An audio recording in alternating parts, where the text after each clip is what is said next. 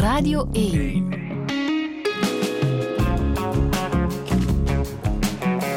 Douche. Met Friede Lesage. En met Luc Wijns. Goedemorgen. Goedemorgen, Friedel. Hoe gaat het, Luc? Goed, goed, goed. Heel druk, maar dat zijn luxe problemen. Uh, het is ook een bijzondere week geweest, hè? Ja. want ben jij niet 65 geworden Ik ben afgelopen week? heel wijs geworden. Hoe was het? Hoe heb je die verjaardag gevierd? Uh, in intieme kring, zoals men dat noemt. Uh, ik ben met mijn vrouw gaan lunchen en s'avonds met mijn kinderen erbij gaan dineren. En zij heeft mij meegepakt naar een winkel die ik van lang geleden kende. Een verrassing. En ik heb mij een kostuum op maat laten maken. Oeh. Dat is een, een ervaring. Mooi. Ja, ja, wat ja. mooi cadeau ook toch ja. wel. Dus heel benieuwd, binnen vijf weken is het klaar. Mag ik daar, Luc, nog iets aan toevoegen? Ik duik daarvoor even onder tafel. Een flesje bubbels. Oh, graag. graag. Luc, zegt, doe dat nu niet open, hè. wacht tot thuis. Zegt de scenarist van Knokken Off. En dan denk ik, ja, een flesje meer of minder, dat kan geen kwaad. Hè? Als maar we gaan, hier geen lijntjes, we gaan hier geen lijntjes beginnen leggen, dat hè, Friedel? Nee, dat, okay. dat gaan we niet doen. Gisteren was er ook de uitreiking van de kastanjes Ja. in Puurs. Knokkenhoff is daar in de prijzen gevallen. En de cast is de prijs gaan afhalen en heeft de mensen achter de schermen, voor de schermen, uitgebreid bedankt. Ja, Daar hoor jij bij dan, hè? Ja, dank u, Kast. uh, het is een beetje zoals een, een voetbalinterview. Hè. Je zegt elke voetballer die, die het goed heeft gedaan. Hè. Uh, maar het is niet, geen individuele prestatie. Het is de prestatie van elk team. Uh, maar we, we zijn uitgekomen op topacteurtjes. Hè. Uh, en ja, van Pommelien, die kennen we al, maar bijvoorbeeld Willem Schrijvers. Uh, ik heb een telefoontje gehad uit Hollywood, waar ik zo uh, regelmatig eens langs ga en waar ik toch connecties heb. En de vrouw van een hele grote producer zegt: Ik ben verliefd op die ene jongen. Op die Alexander. Oeh, en gaat dat iets worden? En ik, ik heb tegen Willem al eens gezegd van, jongen, volgens mij begint fantastisch Engels te studeren. Volgens mij komt jij uit in Hollywood. Uh, het is al die gasten gegund. Hè. En met, met een, een zo jong volwassen Pommelien Thijs op het voorplecht van het schip. Uh, je had je geen betere cast kunnen doen. Wist ik ook ik. dat we de kastaars gingen winnen. ik bedoel, dat, dat, dat niet anders gekund. Maar wat tof is, is dat zonder die toppers die je in beeld krijgt, of zonder dat die naam van die toppers in beeld uh, krijgt, iets een belletje moet rinkelen, zijn we toch in, in heel de wereld heel ver geraakt. Mm -hmm. In, uh, in de top 5 op een bepaald moment mondiaal, waarvan in heel veel landen op de eerste of de tweede plaats. Ah. Dus dat is heel speciaal. Ah. Je, je hoopt dat dat nog, dat nog gebeurt in een carrière. Hè? En ik heb toch nog een, enkele tientallen jaren te gaan, hoop ik. Het is gebeurd, dat is eerlijk. Ja. Volgende zaterdag is er ook de uitreiking van de Ensors in ja. Oostende, waar je nog meer in de prijzen kan vallen. Zes nominaties ja. daarvoor uh, knokken of beste scenario, dat is dan voor jou. Beste make-up, beste regie, beste DOP, hoofdrol voor Pommelien Thijs, beste fictieserie. Het kan niet op, hè? Ja. Ja, Daar val je een beetje stil van. Ja, het is dat is een andere prijs. Dat is de maar, sector die kiest. Kijk, als de sector kiest, dan heeft dat met andere zaken te maken. Hè. Uh, voor mij zijn de belangrijkste prijzen de publieksprijzen. Voor mij zijn de belangrijkste prijzen de mensen die kijken, de mensen die geen, geen connectie hebben met de sector daarmee heb ik genoeg gezegd, denk ik. Maar laten. ik zou blij zijn, moest ik hem winnen, hoor. je gaat hem niet weigeren. Nee. Luc, hoe zou jij jezelf omschrijven? Um, ik ben iemand die niet wil kiezen. Ik wil, ik wil alles. Ik wil alles kunnen en alles weten. En ik combineer graag dingen wat voor andere mensen een, een rare combinatie lijkt en een moeilijke keuze. Uh, maar hoe meer ik combineer, hoe, rustiger ik word. Als ik een serie kan maken die ik geschreven heb, die ik produceer, die ik regisseer en, en die ik, uh, waarin ik de hoofdrol speel, dan voel ik mij het allerrustigst en dan lijkt, lijkt ik alle tijd van de wereld hebben en zeer snel te denken. En ik wil dat zo blijven houden, ik wil blijven combineren. Ik wil zelfs de, verkozen worden tot de perfectste papa ter wereld. Ik wil in alles de beste zijn. Ja, een beetje de Leonardo da Vinci van jou, Ah, ja, in dat, jou? Dat is mijn grote voorbeeld. Ja? Alleen was dat een wiskundige. En dat is een, een kantje bij mij dat absoluut faalt. Hij was een muzikant ook. Hè. Hij ont, ontwierp zelf uh, instrumenten. En dat is ook een kantje dat bij mij compleet ontbreekt. Ik heb vier jaar de kans gehad om op de studio Herman Terling gitaar en piano te spelen. Gitaar aangeleerd door, door Wannes van der Velde. piano door Paul Lefevre. De beste leermeesters met het meeste geduld. Ik kon op het einde amper broeder Jacob spelen. Dat lukt niet. Er is nog tijd, Luc. Ja, nog een jaar of twintig. Mag ik zeggen dat jij ook een man bent die uh, zegt wat op zijn lever ligt? Ja, uh, maar ik heb met ouder te worden toch leren filteren. -huh. Toen ik jonger was, zei ik soms dingen die mijn carrière voor twee jaar of drie jaar achteruit sloegen. Uh, er was geen filter en het kwam eruit zoals ik het bedacht. Met ouder te worden ga je filteren, maar ga je ook meer zorgen maken. Gaat je verantwoordelijkheid groter worden, maar gaan er ook bepaalde onmogelijke dromen uh, verdwijnen en gaat er toch een zekere rust komen. Het is dubbel, rust mm -hmm. en onrust. Ja. Maar heb je daar spijt van? Van de uitspraken die je misschien destijds nee. hebt gedaan? Nee, want ik was eerlijk en ik, had, ik, heb, ik, ik heb spijt van, van de, de gevolgen ervan. En ik heb me op een bepaald moment voorgenomen dat je beter toch op tijd je mond houdt, Luc. Dat belooft voor uh, de volgende twee uur. nee, nee. Als ik mij op mijn gemak voel, ga ik er vol voor, Friedel. Welkom in Touché.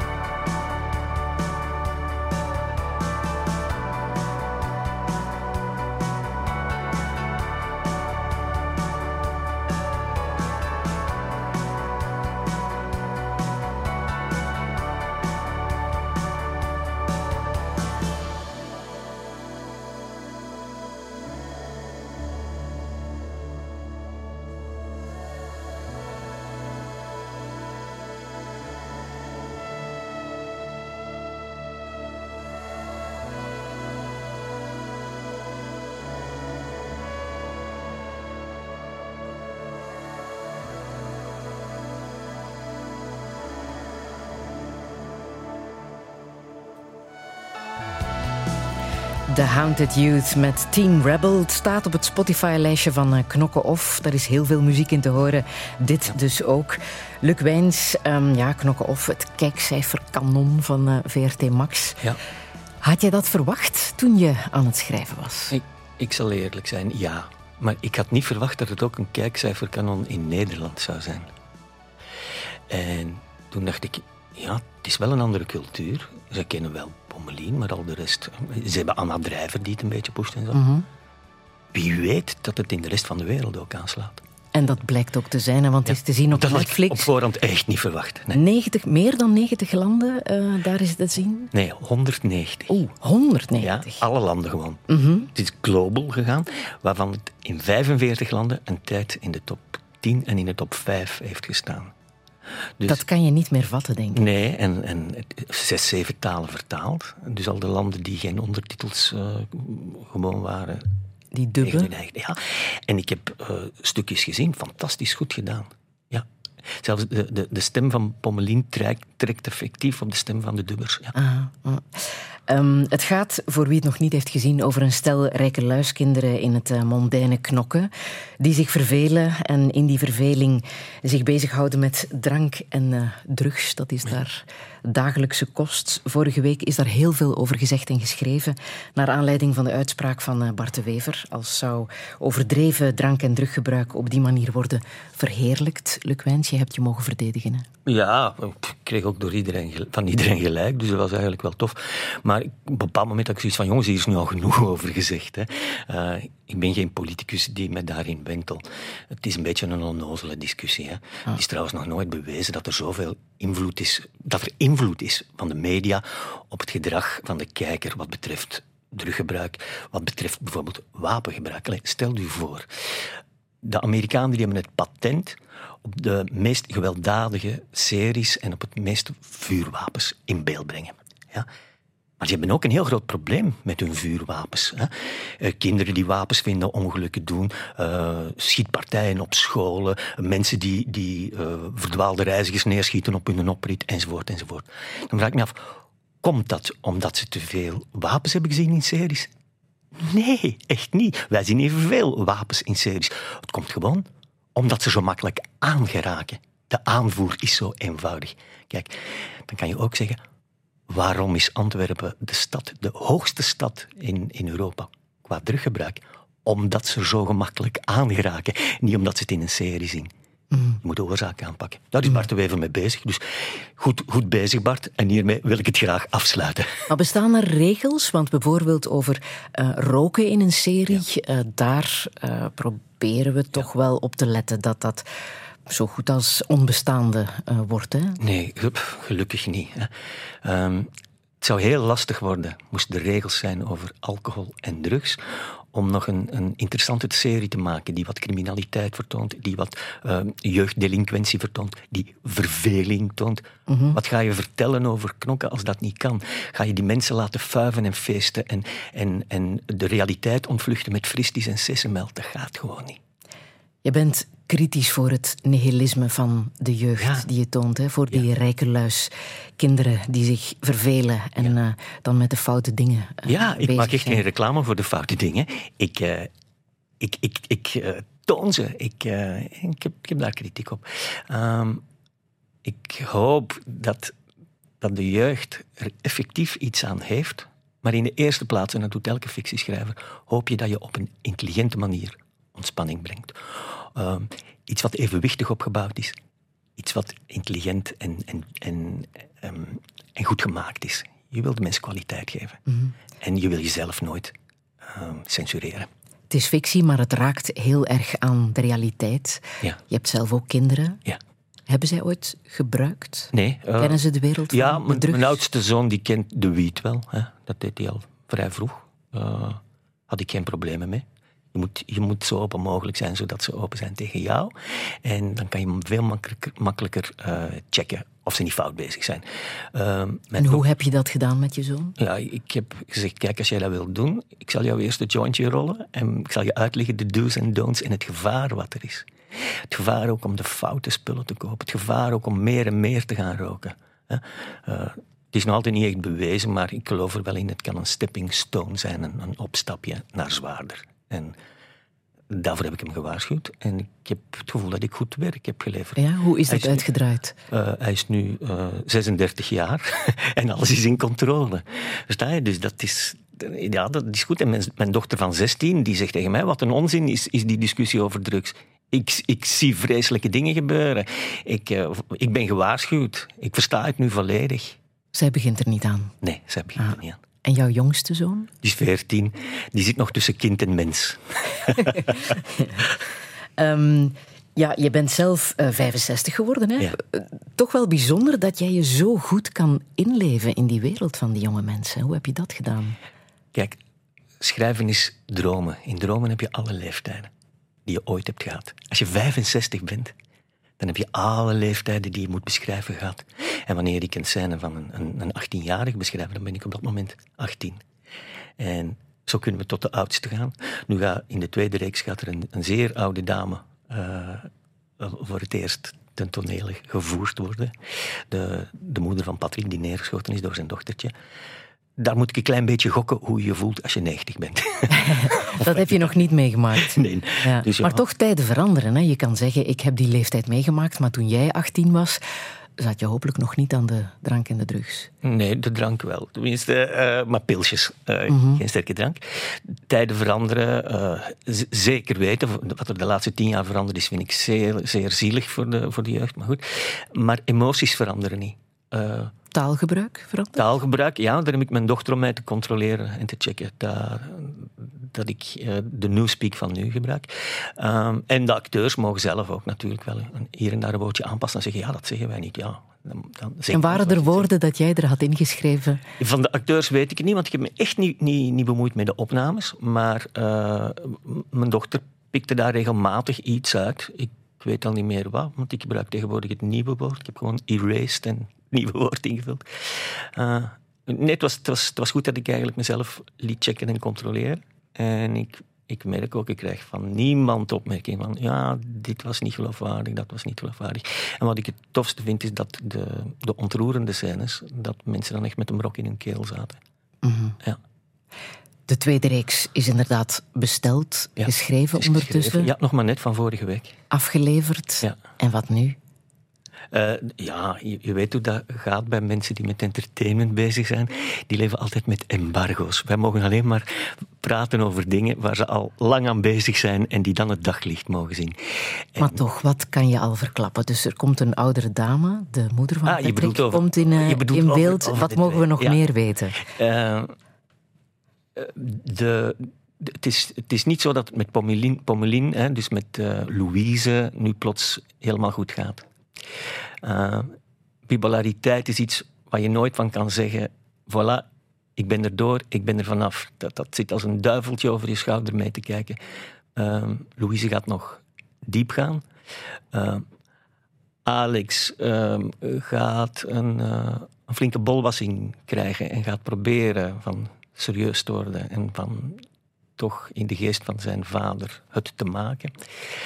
Uh, de, het, wordt ook toch weer een stoelendans. Uh, is ze nu met Daan of is ze nu met Alex? Dat blijven we behouden. Want ik, heb ook, merk er ook al aan, aan mijn 16-jarige dochter.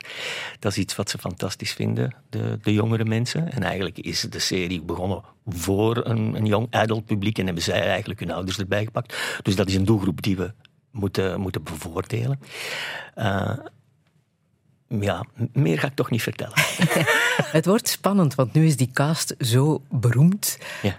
Scènes draaien in knokken, het zal niet simpel zijn, denk ik. Hè? Nee. Daar zal zeer veel bekijk zijn. Dat is zo, maar er gaat wel meer respect zijn. En als er stilte geroepen wordt, gaat iedereen op straat, op straat zwijgen. Het wordt heel spannend.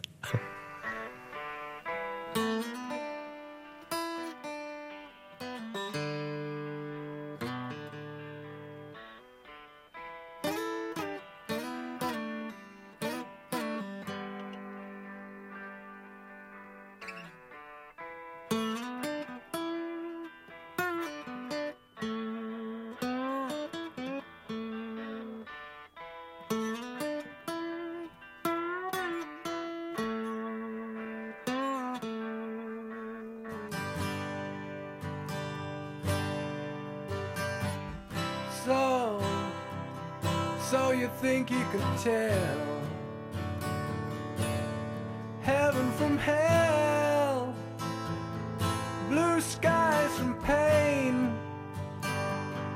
Can you tell a green field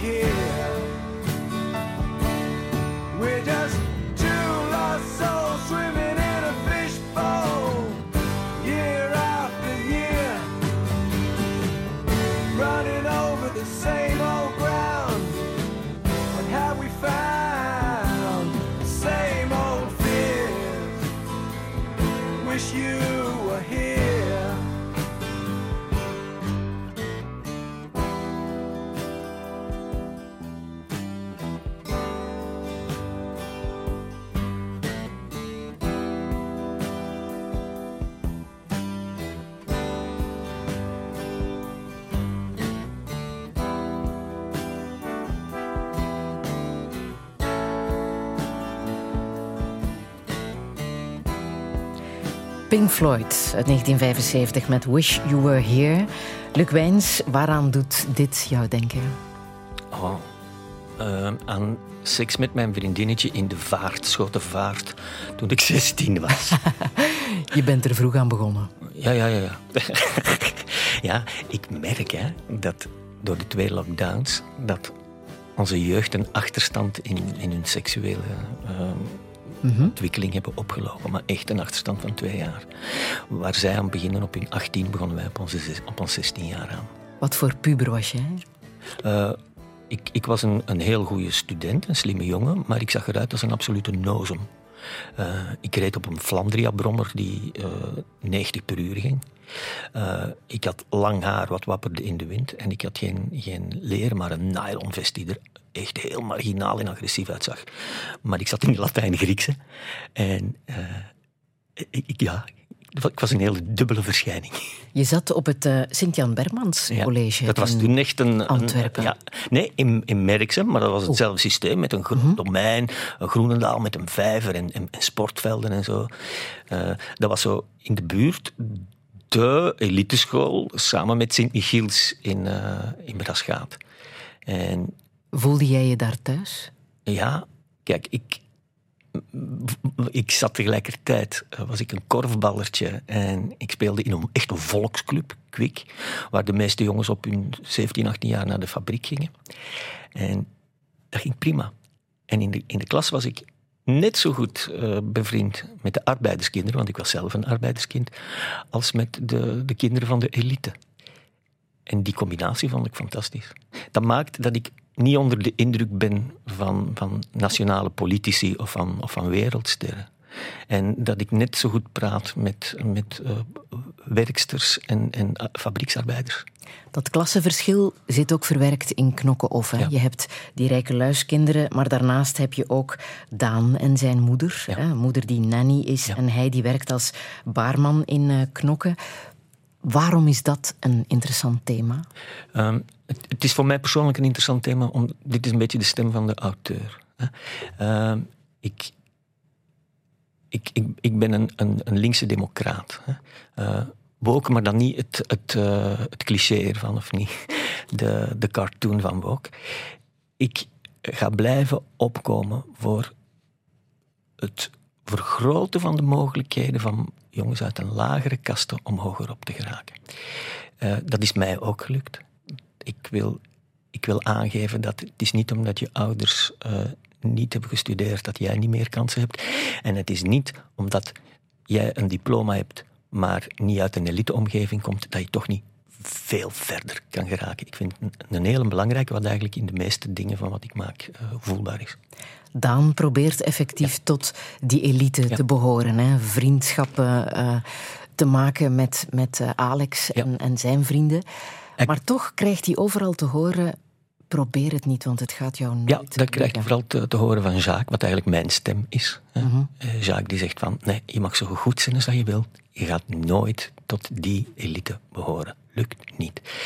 En ik, ik, voel, ik merk daar rond mij, ik voel daar rond mij. Het zijn er weinigen die, die erin slagen. Dus eh, hoe meer ik probeer om, om, om hoger op te groeien, hoe meer kansen dat er zijn. Dat we een, een, een, een, een smallere marge krijgen tussen arm en rijk, tussen kans en, en geen kansen.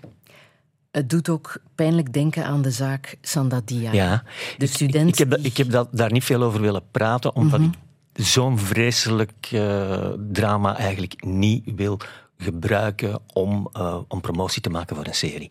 Ik wil daar niet op teren. Daan was trouwens al geschreven, eh, of bedacht, niet geschreven, bedacht. Toen dat voor- gebeurde? Voor het gebeurde, ja. En dan dacht ik, oh, hier is iets aan het gebeuren. Waar ik het ook over heb. Maar ja, een journalist komt erop, je gaat daarop in en het worden koppen en zo. Maar ik, ik, wil, ik ben geen politicus, ik wil dat niet gebruiken. Ik wil die, de vreselijke dood van die jongen niet voor mijn kar spannen om meer kijkers te hebben of aandacht te krijgen in de pers. Dus zo, dat was het laatste ook weer. Mm, Maar het wil wel zeggen, het is geen eh eenstaand, alleenstaand geval. Het, het is aanwezig. Goede fictie eh, zit ongelooflijk sterk verankerd in de realiteit. Dat is de regel. En je moet dat niet uit de weg gaan, je moet er naar op zoek gaan. Of eh, voeling blijven houden met de werkelijkheid. Je tentakels blijven uitsteken. Wanneer ik aan het schrijven ben, zit ik soms in een, in een ivoren toren. Wanneer ik niet aan het schrijven ben, probeer ik zoveel mogelijk op te snuiven. Dan bedoel ik geen kook, maar van de realiteit. Mhm. Maar als je zegt, ehm, probeer het niet, het gaat jou nooit lukken. Waarom lukt het niet? Eh, dat is de geschiedenis van de mensheid. Er zijn altijd elites geweest. Ik bedoel, de, de Romeinen die, die hadden zelfs slaven. Hè? Dat bestaat bij ons al niet, dat is al een stap gewonnen. Maar eh, alle macht werd daar verdeeld onder de rijke families. En als je er niet bij hoorde, dan bleef dat jou achtervolgen. Dan kreeg je achter je naam sine nobilitas. Niet van adel, afgekort tot snop. Ja? En één ding is veranderd. Nieuwe rijken bestaan ondertussen. Het zijn niet alleen de adellijke families die de koek verdelen. Je moet de kunst van de hypocrisie begrijpen Ja. om tot de elite te behoren. Dat klopt. Zeg ik dat ook? Je hebt dat ergens Ja, gezegd. klopt. Ja, ja. Eh, het is zo dat ehm, kinderen uit een eliteomgeving daarin van thuis ook, van thuis uit ook in getraind worden. Ik zie het gewoon aan de vriendinnen van, en, en, en vrienden van mijn kinderen. Hè. Ze gaan met de twee soorten klassen om. En wanneer ze binnenkomen, dan zie je, oh, de rijke kinderen eh, zijn niet onder de indruk van de villa waar ik woon, maar zijn ehm, teruggehouden, wachten af, kijken de, de, wachten even af en gaan zeker geen foute opmerkingen maken. Ze censureren zich constant. Niet dat ze hypocriet zijn, maar ze kennen hun grenzen en ze proberen eh, omzichtiger contact te maken. Terwijl de volkskinderen eh, uit een soort enthousiasme er iets uitblabben. Wel, ik was vroeger puur uitblabben en zeggen en gaan. En ondertussen is daar een klein beetje aan geschaafd. Dus ik, probeer ook voor mezelf ehm, mijn lessen te trekken. Maar je hebt wel geprobeerd om hoger op te geraken Ja. en ook bij die elite te behoren. Was dat dan? Nee, want dan kom je op de toneelschool terecht. En dat zijn artiesten. Dat is, dat is een soort wat nergens thuis hoort. En dat is een, een familie die over de hele wereld uitgezworven is. En zo gauw je zo'n familielid herkent, heb je een klik. En toen kwamen wij van een, een, een- kwam ik van een katholieke jongensschool kwam ik in, een, in een, een gemengde klas voor het eerst. Hè. Dat, dat was niet normaal in de, in, in de jaren 80, 90. Ehm 70, 80 is het allemaal. Oh, ik ben oud aan het worden. En, 65. ja. en, en dan ineens kwam je thuis en zat je tussen diezelfde ehm, freaks in datzelfde aangename, rare denken. Wat jij klaarblijkelijk als enige, want dat gevoel had je, koesterde. Je, je lijkt jarenlang de enige met die vreemde gedachten. En, en, en die vis die tegen de, de, de, de stroom in of tegen de, de, de- de- in de andere richting van de visjes inzwemt. Het was een, een poster in de jaren zeventig zo. Eh, en plots zit je hem allemaal met vissen die in de verkeerde richting zwemmen. En daar voel En dat wordt aan de juiste thuis. richting. Daar voel je Ja, je thuis. Ja. Maar de elite die jij schetst in Knokken, die geef je echt geen krediet. hè? Is het echt zo erg? Ja, het is wel echt zo erg. Eh, de Zitten daar geen goede Ja, mensen tuurlijk tussen? wel. Maar goed. Eh, bijvoorbeeld eh, de, de vader van Louise, Jan, dat is een goede vent. Dat is een goede vent, maar dat is ook de armste, dat is een arme dokter. Natuurlijk zitten er goede gasten tussen. Maar dan hebben we geen fictie, dan hebben we geen drama, dan hebben we geen, geen avontuur in het genieten van de slechtheid.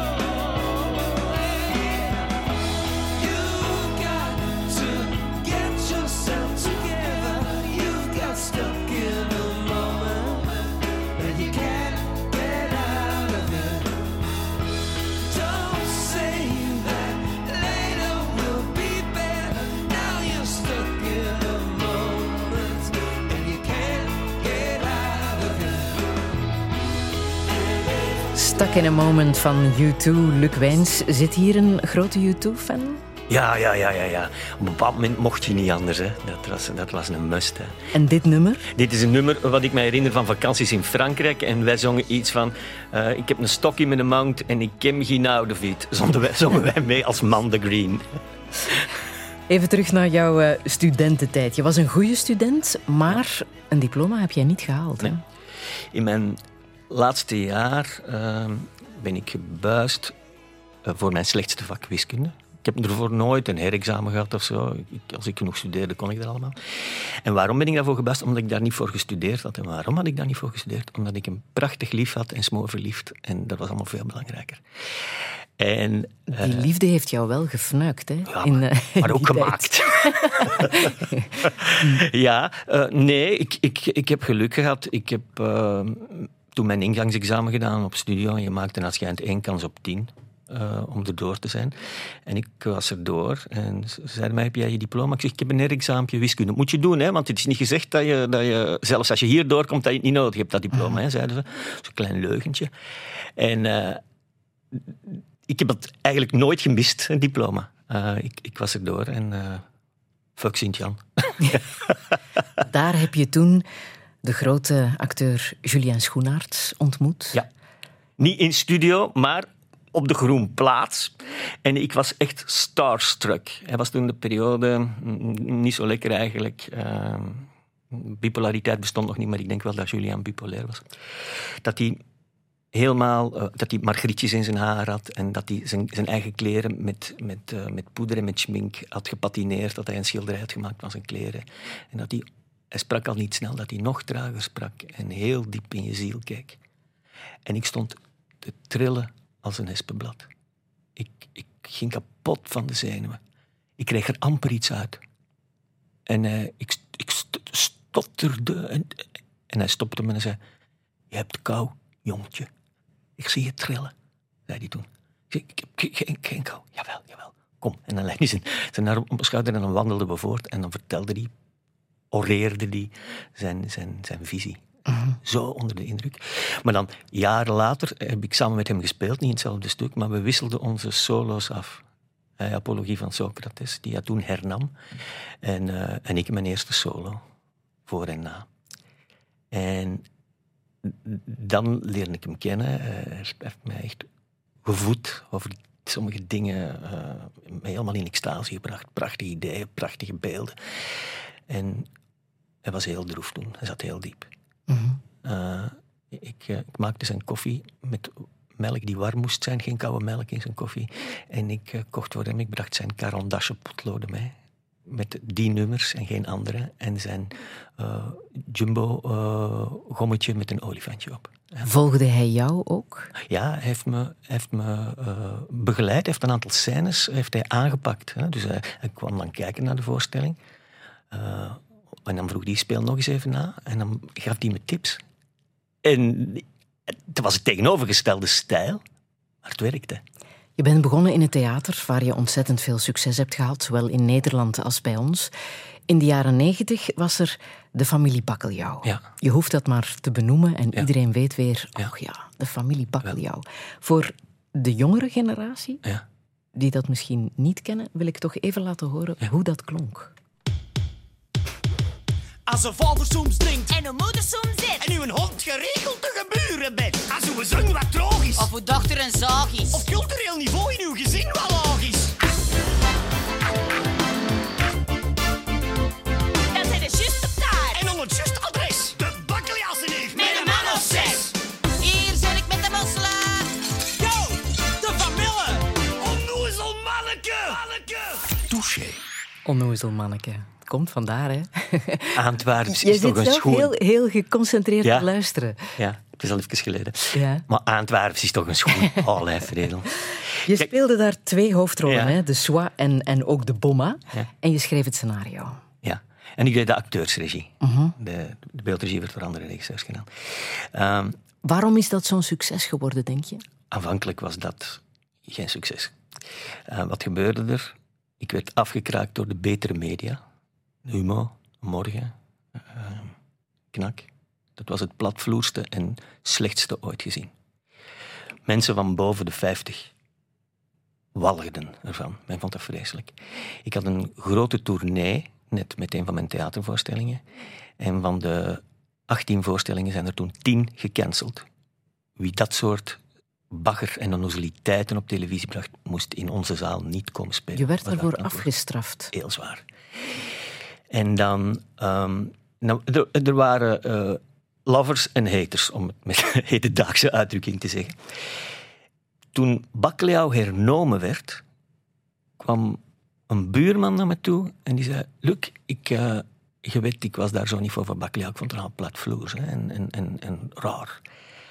Maar nu, we zijn nu aan het kijken met de kinderen, die nieuwe reeks, jongen. Dat is zo goed.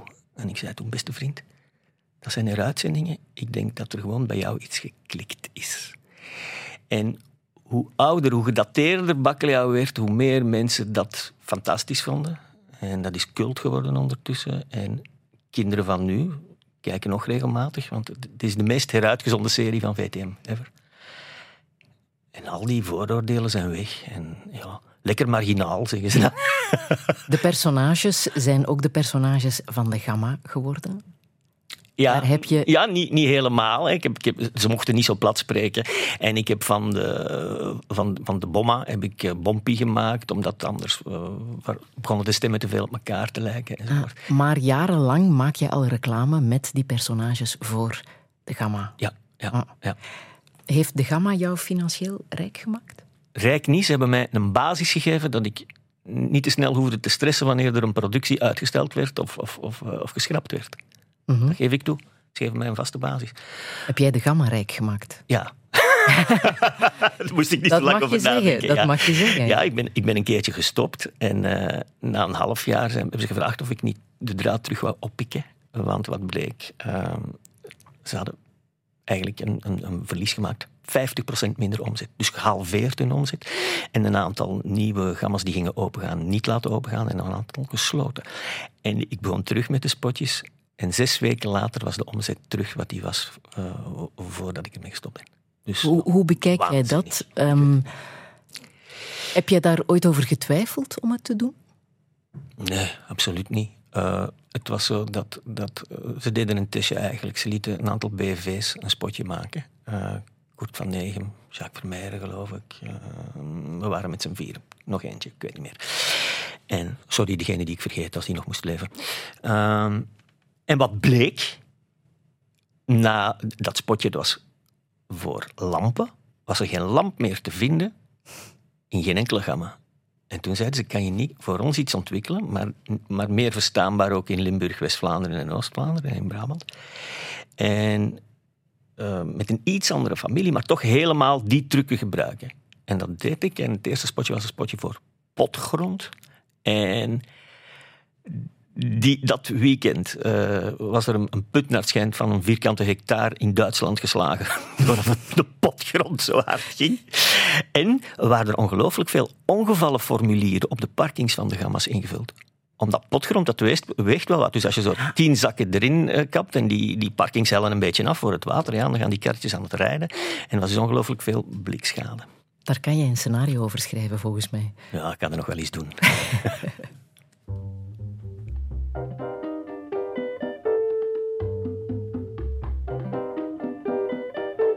walk along the street of sorrow, the boulevard of broken dreams, where Gigolo and Gigolette can take a kiss without regret, so they forget their broken dreams.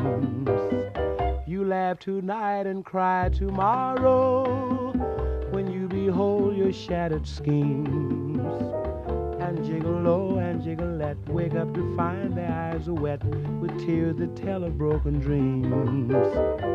Here is where you'll always find me, always walking up and down.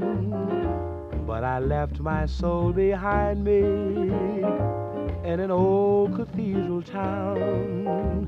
The joy that you find here you borrow cannot keep it long, it seems. But Gigolo and Gigolette still sing a song and dance along the boulevard of broken dreams.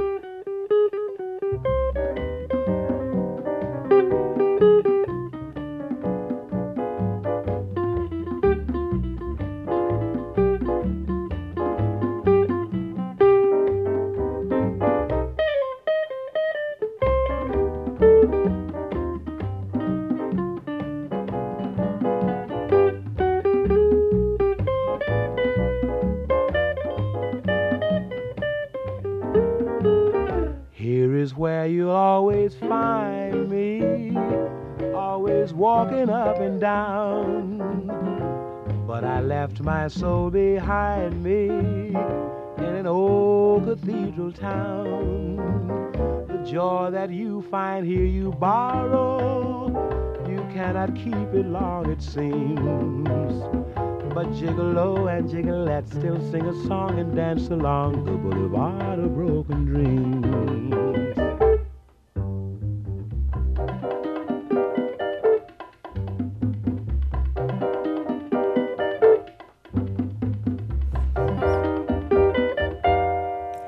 King Cole met dat prachtige nummer Boulevard of Broken Dreams. Luc Wijns, wat betekent dit nummer voor jou? Mm, Nat King Cole is de, voor mij de grootste jazzvocalist aller tijden. Uh, zijn nummers zijn ook ongelooflijk veel gecoverd. En Boulevard of Broken Dreams, dat was een festivalletje in Antwerpen in een spiegeltent.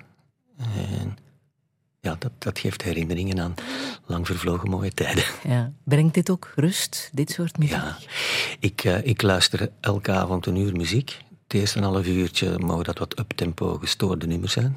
Zelfs R&B wordt er dan doorgeramd. Uh, alleen geen, uh, absoluut geen elektronische dance. Dat, dat, is geen muziek. Dat, dat tenminste voor sommige mensen wel, voor mij niet. Dat, mm -hmm. mijn zenuwstelsel heeft daar een probleem mee. En uh, het laatste half uur zijn dat, uh, is dat bossa nova en, uh, en, en shoegaze en, en, en, rustige, rustige jazz en akoestiek, akoestische slaapliedjes. Dat doe jij s'avonds. Kijk ja? je dan geen tv? Nee. Je bent geen tv-kijker? Nee. je maakt tv. Ja, ik word heel nerveus van, van televisie. het meeste van, van showprogramma's en van uh, Oscar-uitreikingachtige dingen. Word ik heel nerveus van. Uh, maar van fictie eigenlijk ook. Alleen van absolute top, top, topreeks. En dan, dan ben ik verslaafd. Ik, ik droomde vroeger, het is begonnen met de Sopranos. Als, dat is de eerste van die topreeksen. Ik droomde dan dat ik mee aan tafel zat met, met Tony Soprano en, eh, en zijn vrouw en zijn kinderen. Eh, Maar nee, mijn, mijn vrouw die binge-watcht in mijn plaats. En soms vermoedt ze dat er iets is wat, eh, wat we met twee moeten zien. En dan na één aflevering zeg ik, oké, ik doe mee. Aha. Sportfanaat, dat ben je wel, hè? Ja, al, eh, niet meer eh, actief, maar als supporter. Ja, dat is, ja, dat is, dat, dat is echt escapisme. Dat is Ja? eventjes ja, alle Dan hebben we het gaan. vooral over Den Antwerpen. De Antwerpen, ja. Hoe ver gaat dat? Niet, zo, niet zo ver als bij sommige van mijn vrienden die na een landstitel vier dagen van de aardbodem verdwijnen. Ik, eh, ik, ik blijf gedisciplineerd. eh, ik blijf, eh, mijn- ze weten al ondertussen ook dat ik al wel eens een pintje weiger. Dat ik een cola zero drink. Maar ik, soms heb ik de dag daarna geen stem meer. Ik brul mij kapot. We slaan elkaar op de schouders en, en, en, en- op de wangen van vreugde eh, als we het goed doen. Hoort we, hè, alsof we zelf op het veld staan. Ik ben, ja, ik ben, ik ben een echte fanatieke supporter. En ik heb daar heel veel vrienden. En zowel boven in de loges, dat is dan de, de elite, als de basis, de, de tribunes beneden. In de sport zijn ook heel veel verhalen natuurlijk. Hè? Je hebt er zo eentje gevonden, een verhaal van Cindy Dondois, de kooivechter, die je voor een documentaire Mooi, reeks hebt, eh, hebt gevolgd. Ja. Wat fascineerde jou zo in, in haar verhaal? Een vrouw van waarschijnlijk tegenstellingen. Zij, zij was Moeder van zes een kinderen. moeder van zes kinderen. Eh, eh, z- zeer, zeer intelligent en echt een goede coach. Niet alleen op het veld, ook als leraar, eh, in de ring, ook als lerares. Zeer verstandig, zeer empathisch, zeer emotioneel. En dan gaan we de andere kant uit. Hè. Eh, eh, heeft ehm, mannen gekend die met een enkelband rondliepen. Die, de rand van de marginaliteit. Zij heeft, voor alle duidelijkheid, een, een, een, een blanco strafblad. Maar zocht de extremen ook op. Seksueel ook. Ehm, ze is trouwens van, van eh, ontslagen op school, omdat ze een OnlyFans-account had. Eh, een, een ongelooflijk inspirerende vrouw. En waarom wil jij dat dan vertellen? Waarom Ik- wil, je, wil je haar volgen met de camera? Ik hou van mensen met een droom en ik hou van atypische mensen die lak hebben aan conventies. En zij is daar het absolute voorbeeld van. Haar droom nu is toch nog een comeback te maken en zelfs tot de UFC, dat is zijn de hoogste regionen, eh, door te dringen. En van haar dochter wereldkampioen te maken. Eh, dat is vanuit het kleine Vlaanderen zeer hoog gegrepen. Maar haar energie is onuitputtelijk. Je houdt nog altijd contact. Ja, ja, ja. ja. Eh, mijn, mijn zoontje volgt MMA-lessen bij haar. En sinds hij dat doet, ehm, wordt hij niet meer gepest, bijvoorbeeld. Studeert hij vlotter en wordt, is hij rustiger. En wat zijn MMA? Mixed martial arts, dat is wat, waar de serie over ging. Zij is een, een mixed martial arts eh, vechter. Dat is een, een, een nogal heftige vechtsport, waarin alle andere vechtsporten gecombineerd worden. Alles wat je in andere vechtsporten mag, niet, eh, mag maar afzonderlijk mag je daar in MMA. Sterker nog, eh, als je iemand op de grond hebt, mag je toch blijven erop meppen. Dus het is een, een, een, een zeer zware, eh, zeer gedisciplineerde sport. Die trainings zijn zeer zwaar. Mijn, mijn jongste zoon zal nooit aan competitie doen, maar die gaat tekeer gedisciplineerd en energiek op de, op de trainings. Het, het is een, een lust eh, om naar te kijken. Hoe sportief ben jij zelf? Ik was sportief.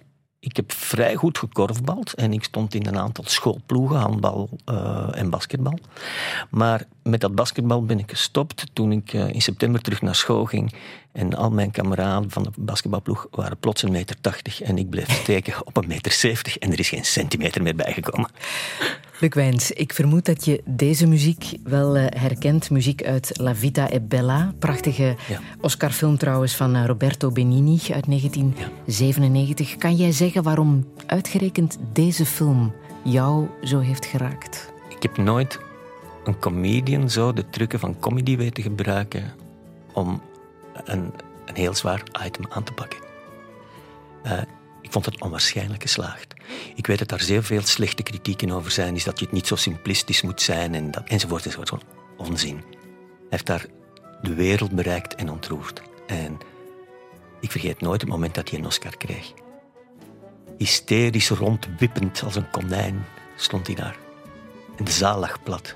En ik dacht, good for you. Het was de erkenning die hij verdiende. Absoluut. Ik, bedoel, ehm, ik heb zelf een achtergrond eh, als acteur van Commedia dell'arte. En daar heeft het iets van. La vita è bella.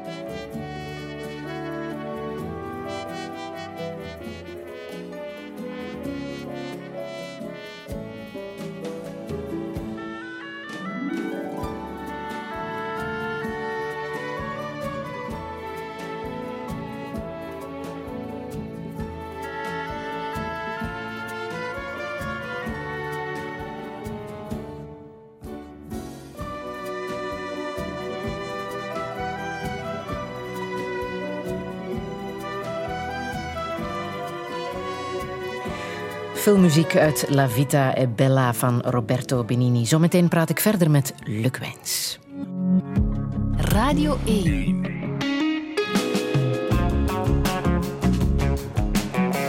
Douche. Met Friede Lesage. En met Luc Wijns. Afgelopen week vierde hij zijn 65ste verjaardag. Behalve veel champagne kreeg hij alvast een kastaar en wie weet ook een set Ensors. Want Luc is de scenarist van de internationaal gelauwerde fictieserie Knokken Off. Het leven van rijke luiskinderen bestudeerde hij al tijdens zijn jeugd. Het waren zijn vrienden. Zelf groeide hij op zoals de familie Bakkeljauw. Zonder geld, maar met veel liefde en humor. Hoe komt het dat de kloof tussen arm en rijk zo diep blijft? Welke sporen heeft dat bij hem nagelaten? En krijgen we drank en drugs ooit de wereld uit? Dit is Touché met Luc Wijns. Een goede middag. Pedro lives out of the Wilshire Hotel. He looks out a window without glass. The walls are made of cardboard. Newspapers on his feet, and his father beats him because he's too tired to beg. He's got nine brothers and sisters. They're brought up on their knees. It's hard to run when a coat hanger beats you on the thighs. Pedro dreams of being older and killing the old man, but that's a slim chance. He's going to the boulevard. He's gonna end up on the dirty boulevard. He's going out to the dirty boulevard. He's going down to the dirty boulevard.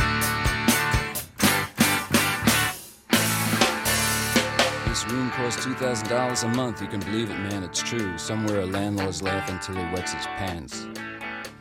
No one dreams of being a doctor or a lawyer or anything. They dream of dealing on the dirty boulevard.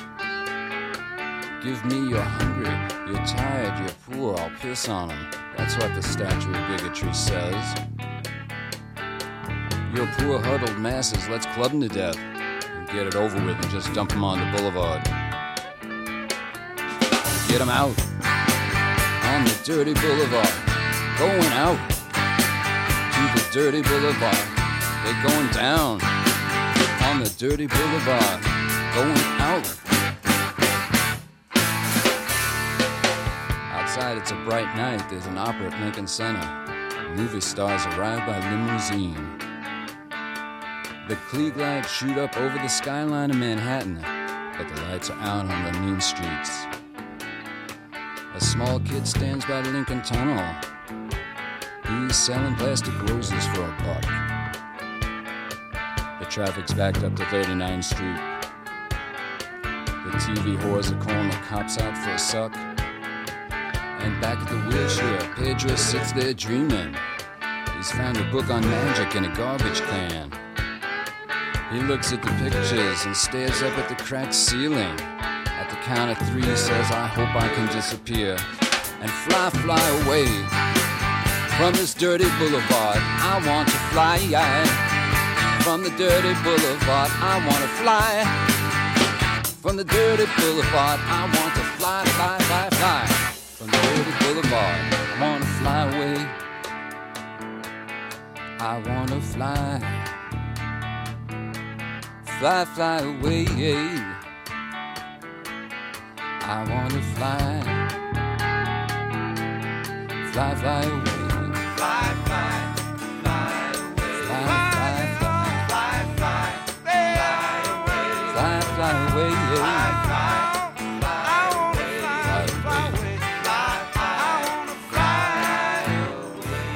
Lou Reed en Dirty Boulevard. Luc Wijns, heb je hem ooit live gezien? Ik heb hem drie keer gezien. De eerste keer in de Arenahal in Deurne dan nog twee keer in Brussel.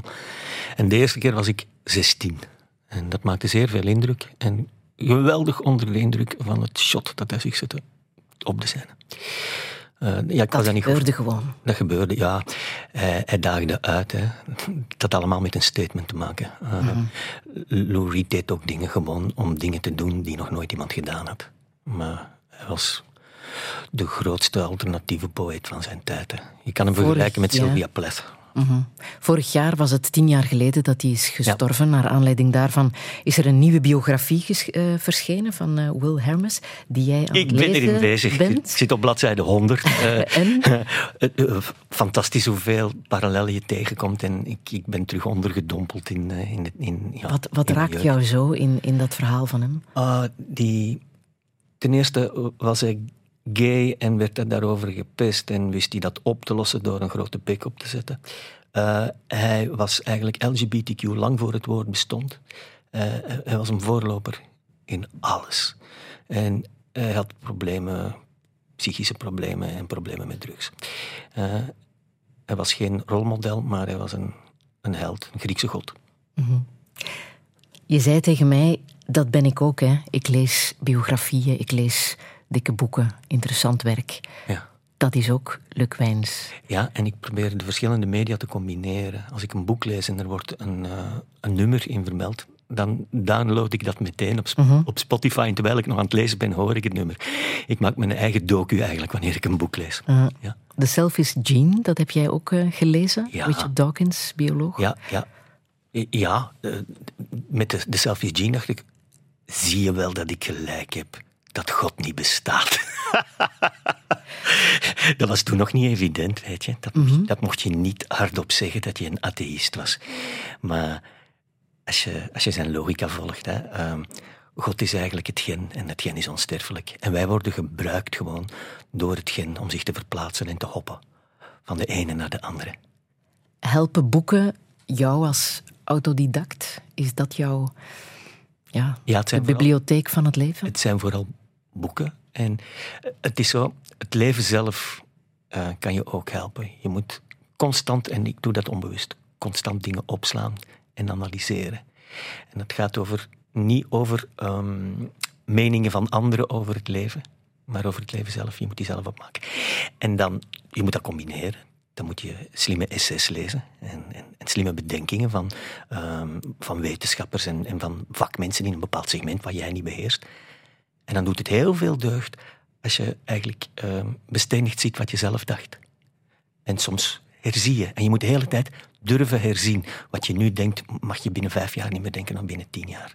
En dat constante bijsturen, dat geeft je ook de drive om dingen te vertellen. Buiten te animeren en, en te entertainen, dingen te vertellen. Maar je leest veel, hè? Ja, Ja. eh, je hebt hier trouwens de gedichtenbundel van Herman de Koning Ja. liggen. hij, was het, hij was de eerste dichter die, die heel veel impact had op mij. Eh, hij is een, een, een niet-hermetische dichter, eh, bijna een cabaretier in zijn teksten. Ehm, als ik het lees, ben ik terug 16 jaar. Heb je hem ooit ontmoet? Nee, nooit. Nooit? Nooit, nee. Nee, eh, ik, ik stond ook pas heel laat in, in Humo. Ik was in het begin was ik, niet interessant genoeg voor Humo tijdens Bakkeljauw. Anders zou ik hem zeker ontmoet hebben. Via zijn interviews. Ja. En ook nooit in, in Antwerpen tegen het lijf gelopen? Nee, nee. Maar Julien Schoenaerts wel. Ja. maar je hebt hem open liggen op een, Ja. eh, een gedicht dat je heel graag wil, Ja, wil voorlezen. Jouw all-time favorite noem je het. ja hier, hier zitten zoveel schone beelden in. Ik kan hem zo goed mogelijk voorlezen. Aha. Zonder bril, maar ik merk dat ik de verkeerde bril bij heb. Ballade van de traagheid. Ik hou van de traagheid van liggen in gras. Als een vorst. Ik, uitkijkend over mijn aanhangers, mijn ledematen, zeggend tot mijn linkerarm: Jij daar, breng mijn hand eens voor mijn mond, dat ik geeuw. In orde, ga maar weer liggen. Goed zo. Tucht moet ik hebben. Ik hou van de traagheid van zijn. Zen, zegt men in het oosten. Ik geloof dat het hetzelfde is. Ik hou van de traagheid van liggen in bed. Jij naast mij, je knieën in mijn knieholtes, als twee essen. De traagheid waarmee je niet gezegd hebt dat je al wakker was. Je uit lippen bestaande ontvankelijkheid. De traagheid waarmee ik sneller en sneller kom. De kalmte waarmee ik wilde en wilder werd. De traagheid van jouw diplomatisch lichaam, dat geeft en neemt jouw corps diplomatiek. En de traagheid van een sigaar nadien. De traagheid van grandeur. De traagheid van wie zich te pletter rijdt tegen een boom in vertraagde film.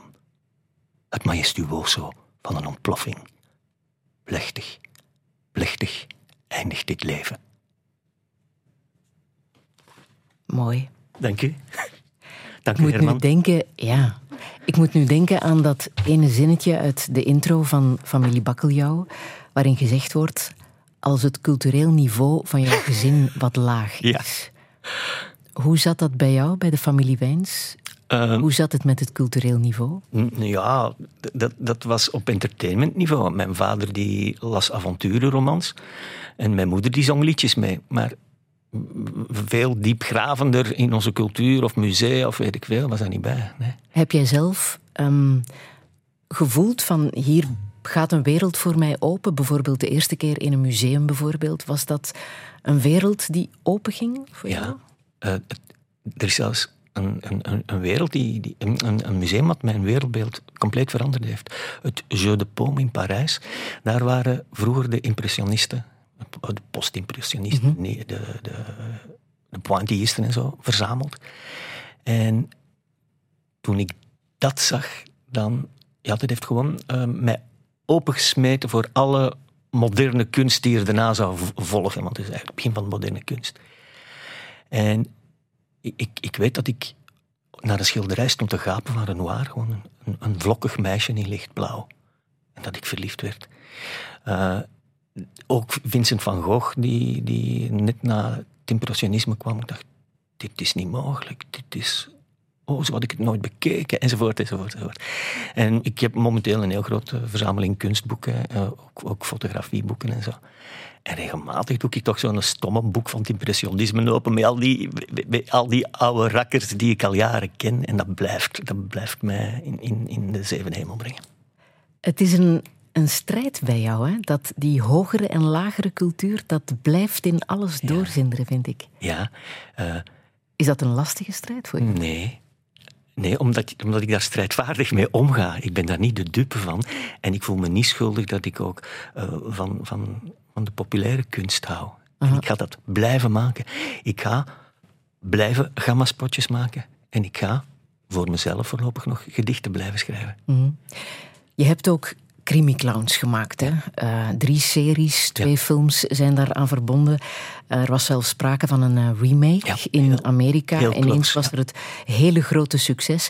Heb je daar gevoeld dat je ehm, toch weer aan credibiliteit kon winnen bij die elite-journalistiek Dat was waar het daar net over gaat? Inderdaad, een complete omslag. Dat was ineens eh, dubbele pagina's en, en coverpagina's in, in de standaard, in, eh, in de morgen. Dat, dat was met volledige samenwerking van Humo, die dvd's verdeelden en weet ik wel. Veel. En ik dacht, ja, Rudy van den Dalen, je had het me eerder moeten zeggen. Hij zei, stop met dat populistisch gedoe, je bent een groot artiest, maak eens iets wat jij goed vindt. En met, met Crimi Clowns heb ik gewoon gezegd, fuck, ik vraag mij niet meer af hoe dat er gaat inhakken op de mensen, wat er gaat gebeuren, wat, wat er gaat gebeuren, wat men daarvan vindt. Ik doe mijn fucking goesting. Hoe zit het nu met die remake? Ja, dat is. Ja, ik kan je iets vertellen wat ik eigenlijk niet mag vertellen. De, de producent die dat toen eh, wou maken, die heeft in kort contact met me opgenomen. En die had Knokken afgezien. Die vertelde me trouwens dat zijn vrouw eh, verliefd was op, eh, op Alex, op Willem, de schrijver. En die zei, ik zat er weer close bij, zegt hij, ik blijf het eh, aanbieden. Jouw, jouw crimiklans, ik vond dat zo mooi. En dan had hij nog een ander ideetje wat ik misschien zou kunnen maken. Produceren, schrijven en meespelen. Maar meer vertel ik daar niet over. Het verhaal is toch niet afgelopen? Nee. Dat is voelbaar. Maar je zei ook zo net, eh, Hollywood, waar ik regelmatig vertoef. Je gaat nog regelmatig naar L.A., naar Ja, Hollywood? ik, ik blijf met die mensen eh, in contact. Ehm, de laatste keer met, ben ik met het hele gezin daar naartoe geweest. Had ik een paar vergaderingjes. Ehm, en ik, ik ben nog altijd heel zot van de West Coast. En, en van Malibu Beach en, en, en van Venice Beach en zo. Ah, dat, is, dat is zo anarchistisch en iedereen doet daar gewoon wat hij wil. En men kijkt van niks meer om. Het loopt daar vol freaks die zich zot amuseren. Mensen lopen daar te dansen op de straat en zo. Aan de andere kant merk je dat daar ehm, veel on onvrede is over de sociale toestanden. Eh, ik- Zou jij daar kunnen aarden, denk je? ja, absoluut. direct, ja? Ze zeiden alleen van ja, hier is het voor een tijdje gedaan. Met, eh, het was midden in de staking van de scenaristen, maar, er, maar ook bijvoorbeeld horecapersoneel staakte. Wij werden 's morgens om zes uur wakker getrommeld door eh, betogers die voor de deur stonden van ons, ons mooie hotel. En het, het, het is. Ik- denk dat het niet anders kan, maar ik vrees dat Trump eh, het gaat halen. En dan eh, zie ik het lijk al drijven, zeggen de Nederlanders dan. Het kan nog een stuk slechter.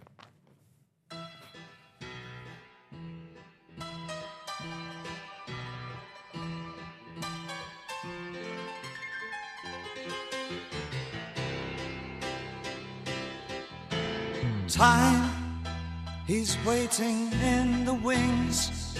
He speaks of senseless things. His script is you and me.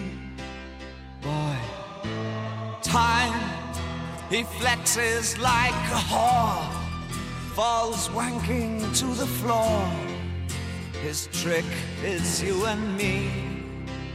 Boy, time in quaaludes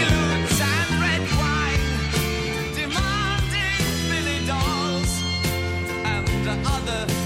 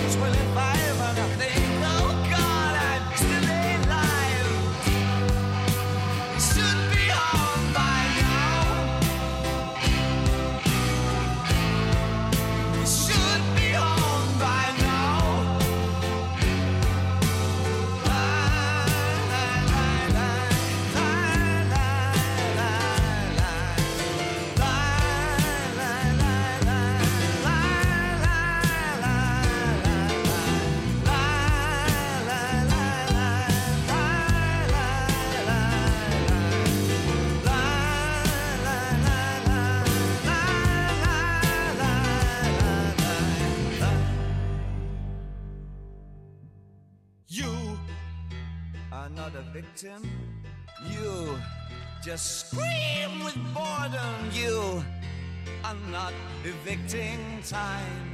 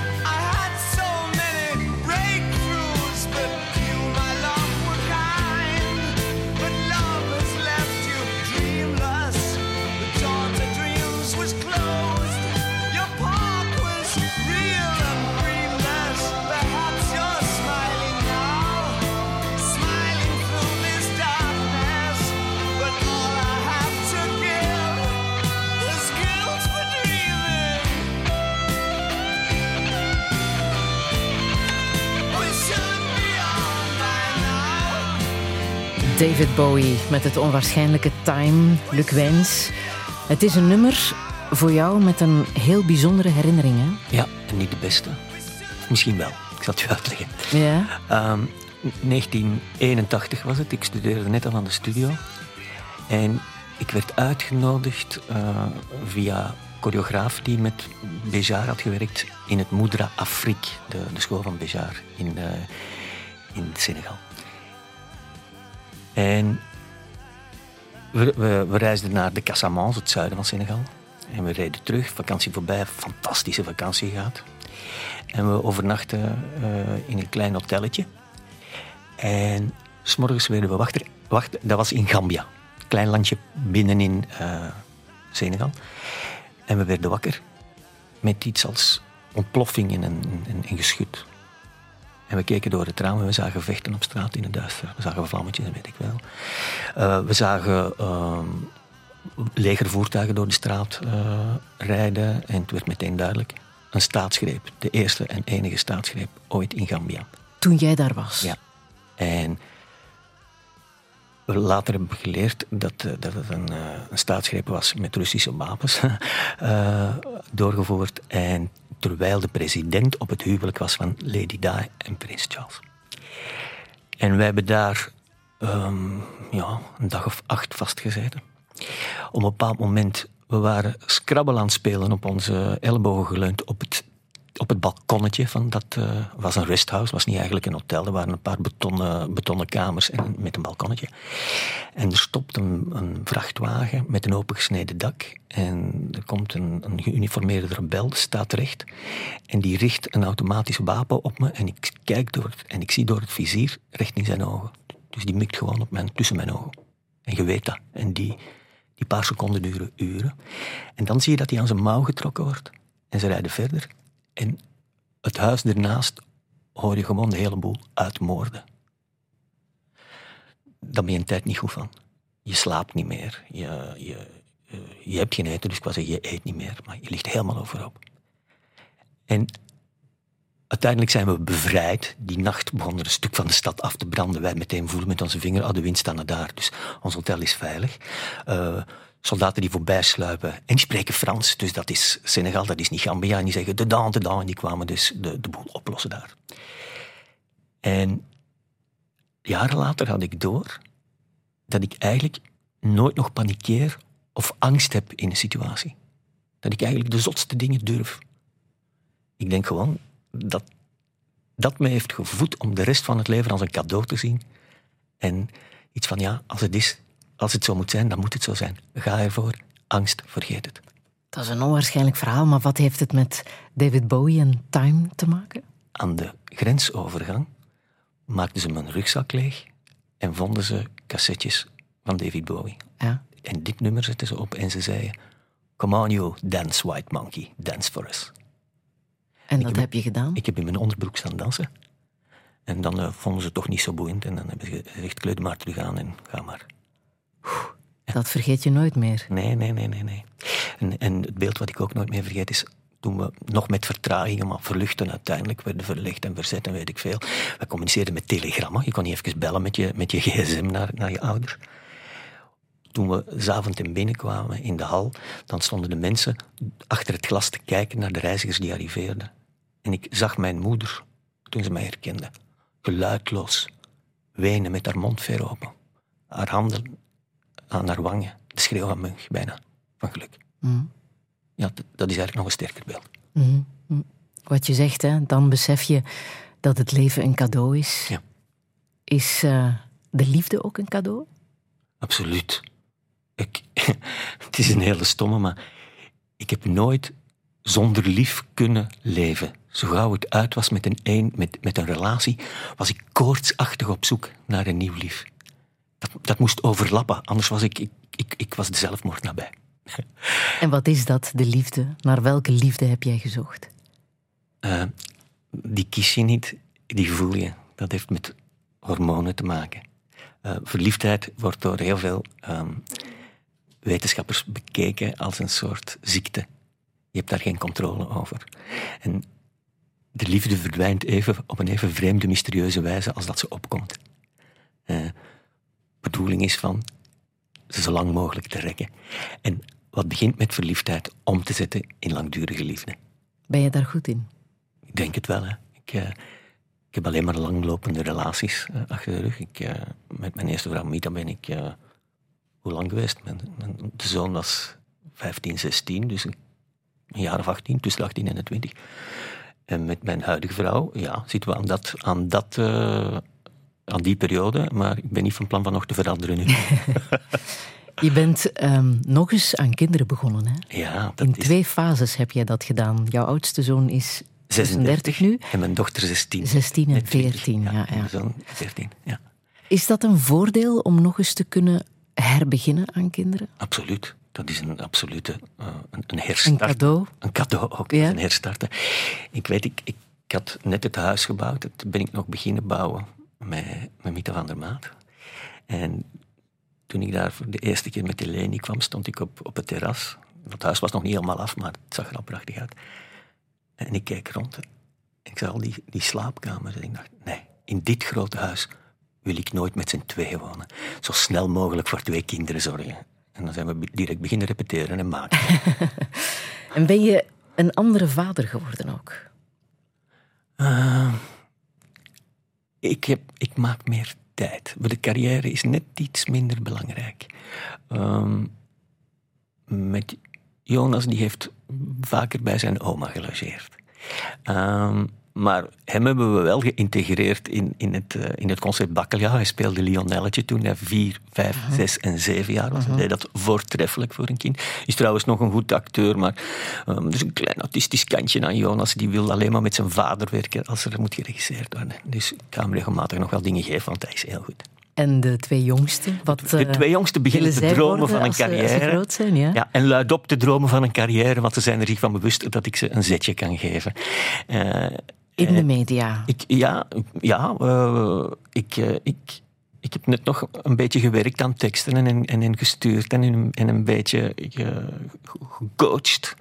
Eh, zoals je ziet trouwens op de academie woord drama. Het heeft niet veel te maken met televisieacting, maar het is een goede basis en het is een goede discipline en hij leert goed articuleren.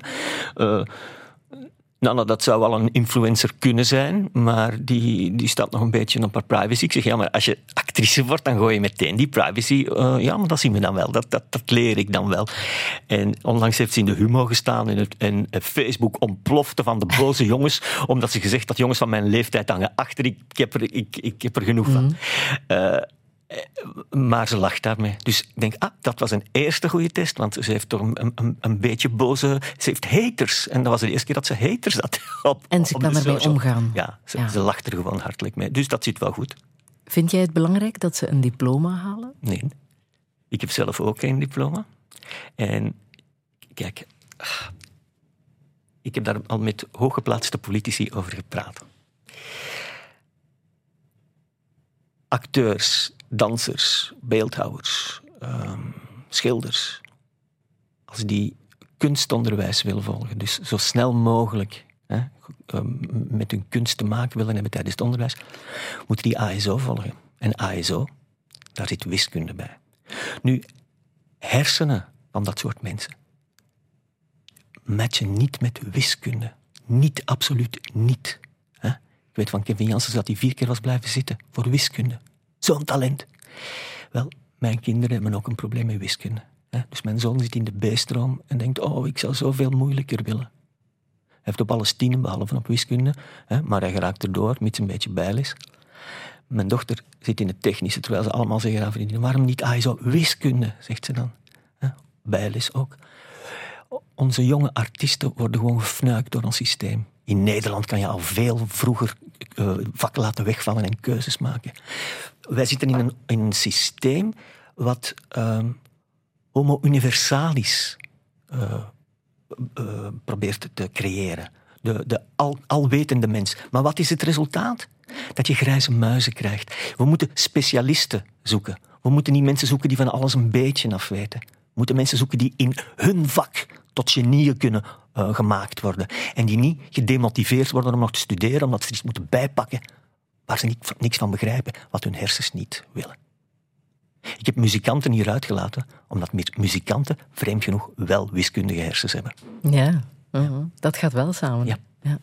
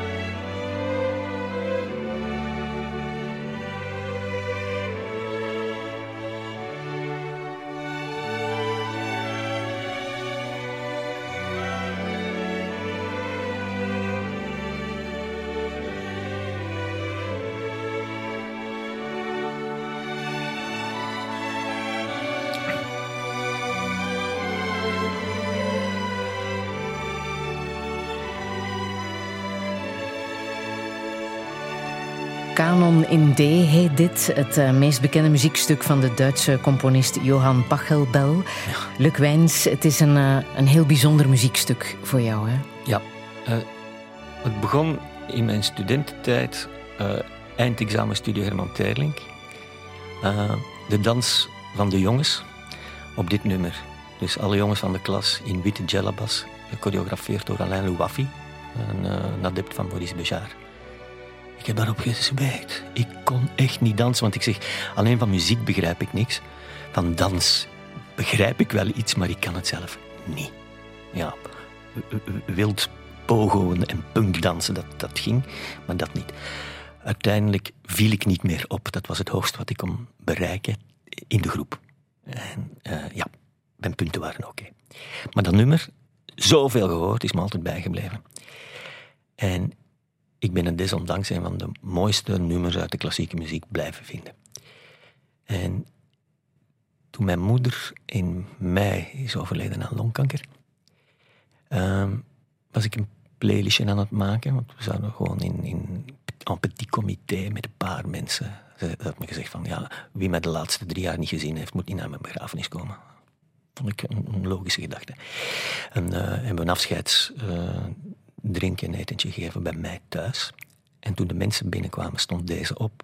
En dat in combinatie met de grote A0-foto die ik had opgehangen van mijn moeder. Met, eh, met daaronder uh, vlijtige liedjes waar iedereen een potje van meekreeg. Was iets te veel voor mijzelf. Bijvoorbeeld, er is toen zo hard gehuild. Dat maakte zo'n impact, dat nummer. En nu speel ik het terug regelmatig en denk ik aan mijn moeder. Mhm. Het is snel gegaan, hè? Ehm, op dat moment zegt ze me, ja, ik ben een beetje ongerust. Ehm, ik hoest bloed op en ik ben naar het ziekenhuis geweest. En de, oncoloog, de kankerspecialist, zegt, ik ben bijna zeker, ben eigenlijk zeker dat het longkanker is. En toen werd de eerste uh, RX genomen. En op de foto zagen we één klein spatje. En hij zei, ah, dit is er binnen vier weken weg. U gaat nog genezen, zei. En toen begonnen ze met een, met een, een zachte bestraling. Uh, en na twee keer werd terug een foto genomen. En dat ene spatje had zich uitgezaaid over haar longen en het leek, die foto leek een sterrenhemel. En toen beseften we dat het echt niet lang meer zou duren. Uh, mijn vader, die zelf aan Parkinson lijdt, die werd nog verzorgd door mijn moeder. Zij was zijn verpleegster en, en zijn al. Hem wilden we eerst niet en konden we daarna, niet aan het verstand binnenbrengen dat het niet meer lang zou duren met ma. En wat ik nooit vergeet de laatste dagen met haar, de, de, sterke vrouw die zij bleef. Uh, zij was gelovig begonnen, maar was onder mijn invloed atheïstisch geëindigd. En ik had daar toen spijt van eigenlijk. En de laatste woorden die ze zei tegen mijn vader was: Ik zie u in de hemel. Terwijl ze niet gelovig was. Ik vond dat zo knap. Uh, ja, sterke madame. Mm -hmm. Maar het is rouwen, hè? Het is... Ja, het is vreed wat u, wat u overkomt. Zo'n afscheid van je moeder, ja. is, uh, dat gaat diep, hè? Waaraan voel je dat, dat je aan het rouwen bent? Ik ben, ik ben, in de eerste plaats ben ik blij dat ik ze zo lang heb mogen hebben. Ik, ik ben 65, ja. Mijn moeder was 19 toen ze mij kreeg. Uh, dat, is altijd, dat was altijd leuk. Ook mijn vader was 22, zo'n jonge ouders. Nou, dat is tof. Kun, je vader kon alleen zijn pint gaan pakken en moeten niet generen tegenover de vrienden. dat is ook nog een jonge gast. Ze dachten soms dat we broers waren. Dat was heel tof. En je denkt, ach, we kennen elkaar al zo lang. Ik heb er al zo lang van mogen genieten van mijn moeder. Ik ben 65. Dat gaat wel niet zo erg zijn. Dat gaat rationeel kunnen verwerkt worden. No way. Ik ben er kapot van.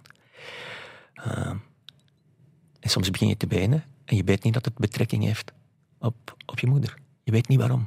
En mijn zuster zegt net hetzelfde. Uh, ja, ik denk niet zo vaak aan haar en soms begin ik te wenen en dan weet ik dat het daarvoor is. Er is één ding heel goed aan geweest. Ik had eigenlijk nog heel weinig contact met mijn zus en sindsdien zijn we terug buddies. Dus dat is toch een goed kantje. Mm -hmm. Te danken aan mijn moeder. En hoe gaat het met jouw vader? Die zit in een voortreffelijk uh, home niet het allernieuwste, maar wel de beste verpleging die je kan wensen in Schoten.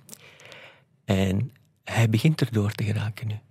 Want dat is ook een grote verandering ja, dat komt bij dat. in zijn later leven. Met Parkinson kan je niet om met veranderingen. Je kan niks nieuws bijleren en je kan niet wennen aan. En sinds kort heeft hij zichzelf toegelaten om te wenen, na zoveel maanden. Ja. Wat doe jij zelf om gezond te blijven?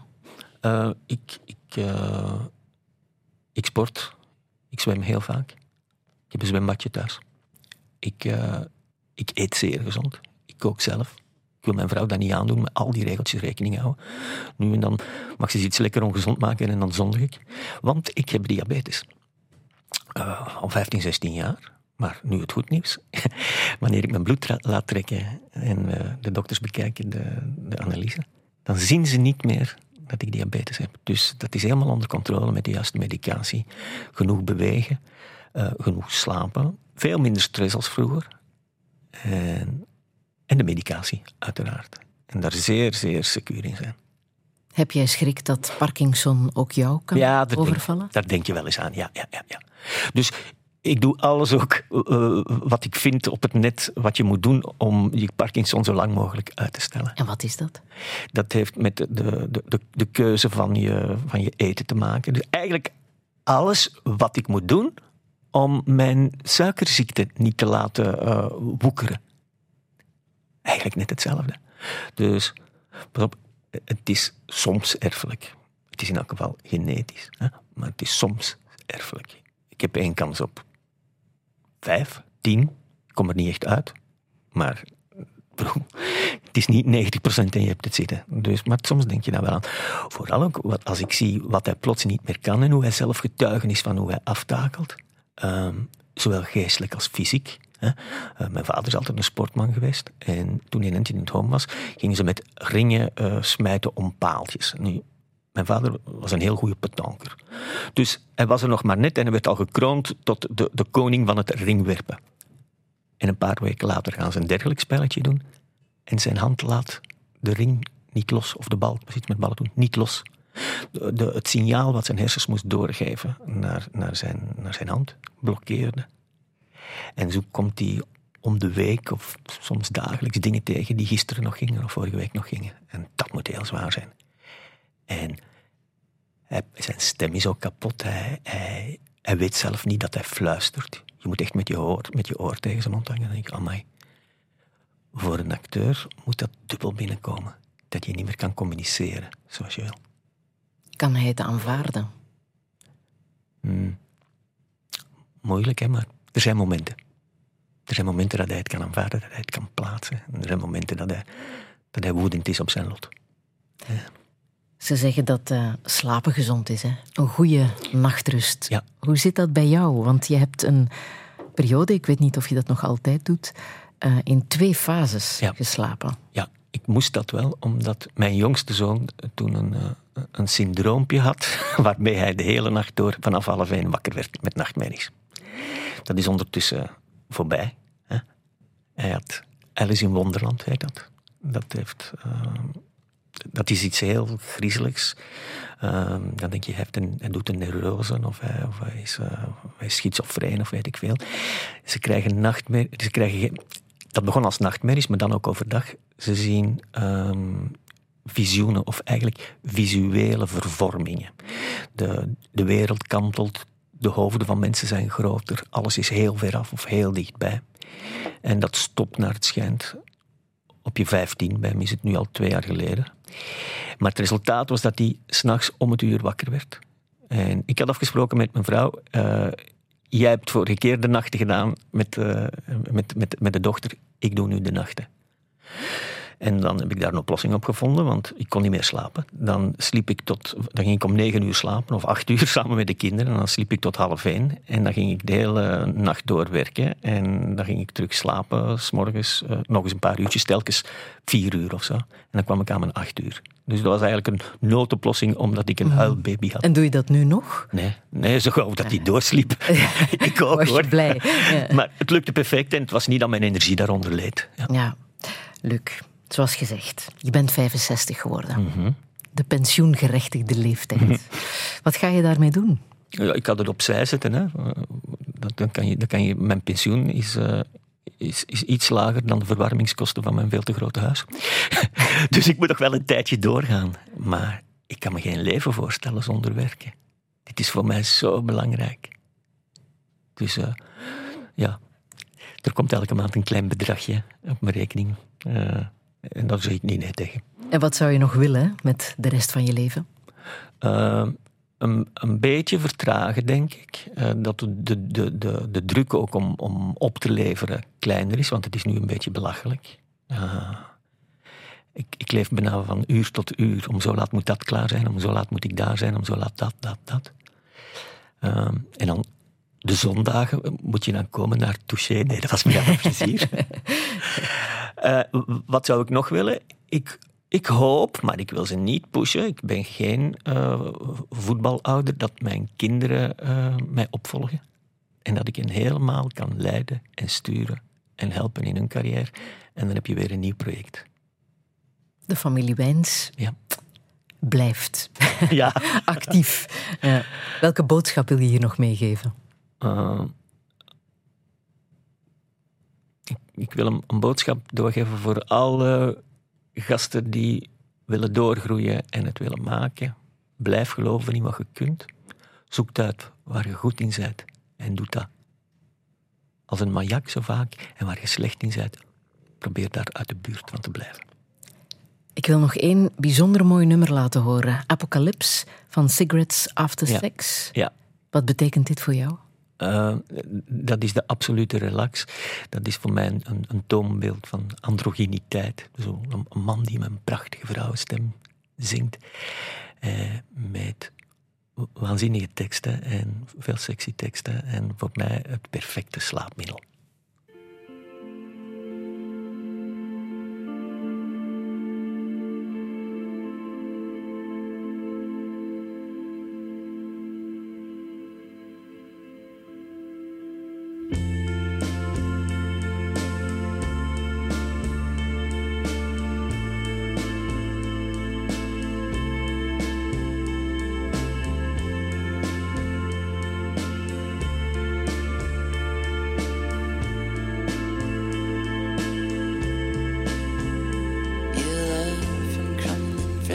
Watching cityscapes turn to dust.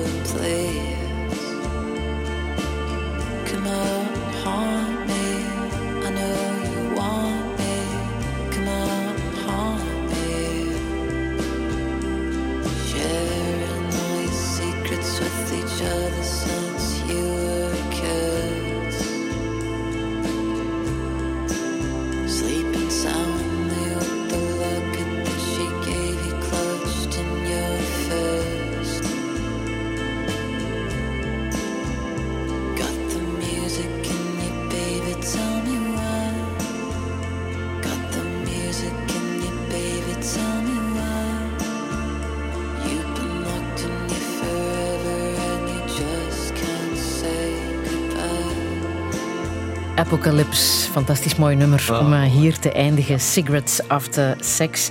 Dank je wel, Luc Wijns, voor dit eh, zeer intense gesprek. Volgende week verwacht ik hier ultrasporter Mathieu Bonne. Ik wens je nog een heel fijne zondag. Dankjewel. Dank je. Heb je iets gemist? Je kan Touché herbeluisteren in de app van VRT Max.